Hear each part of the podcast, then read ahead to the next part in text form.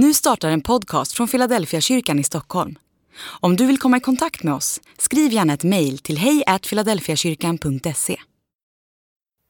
Dag 313. Olika sätt att fråga.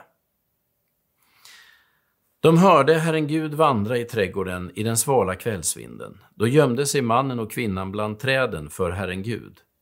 Men Herren Gud ropade på mannen. Var är du?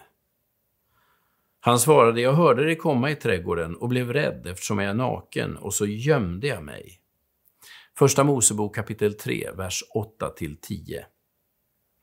Ormen ställer en fråga före syndafallet och Gud ställer en fråga efter. Varken ormen eller Gud saknar information.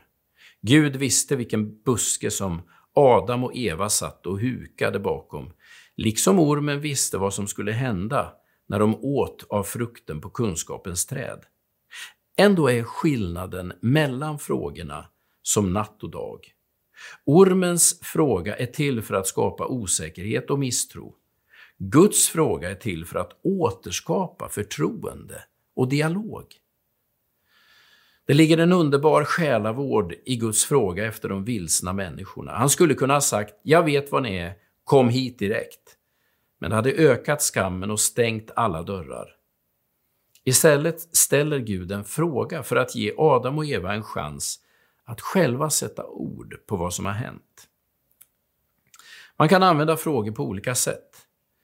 Man kan använda frågor för att skapa osäkerhet och förvirring, för att göra andra svarslösa eller osäkra.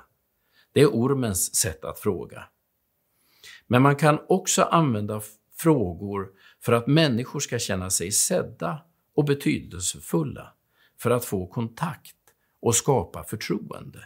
Det är Guds sätt att använda frågor. Gud välsigna dig idag.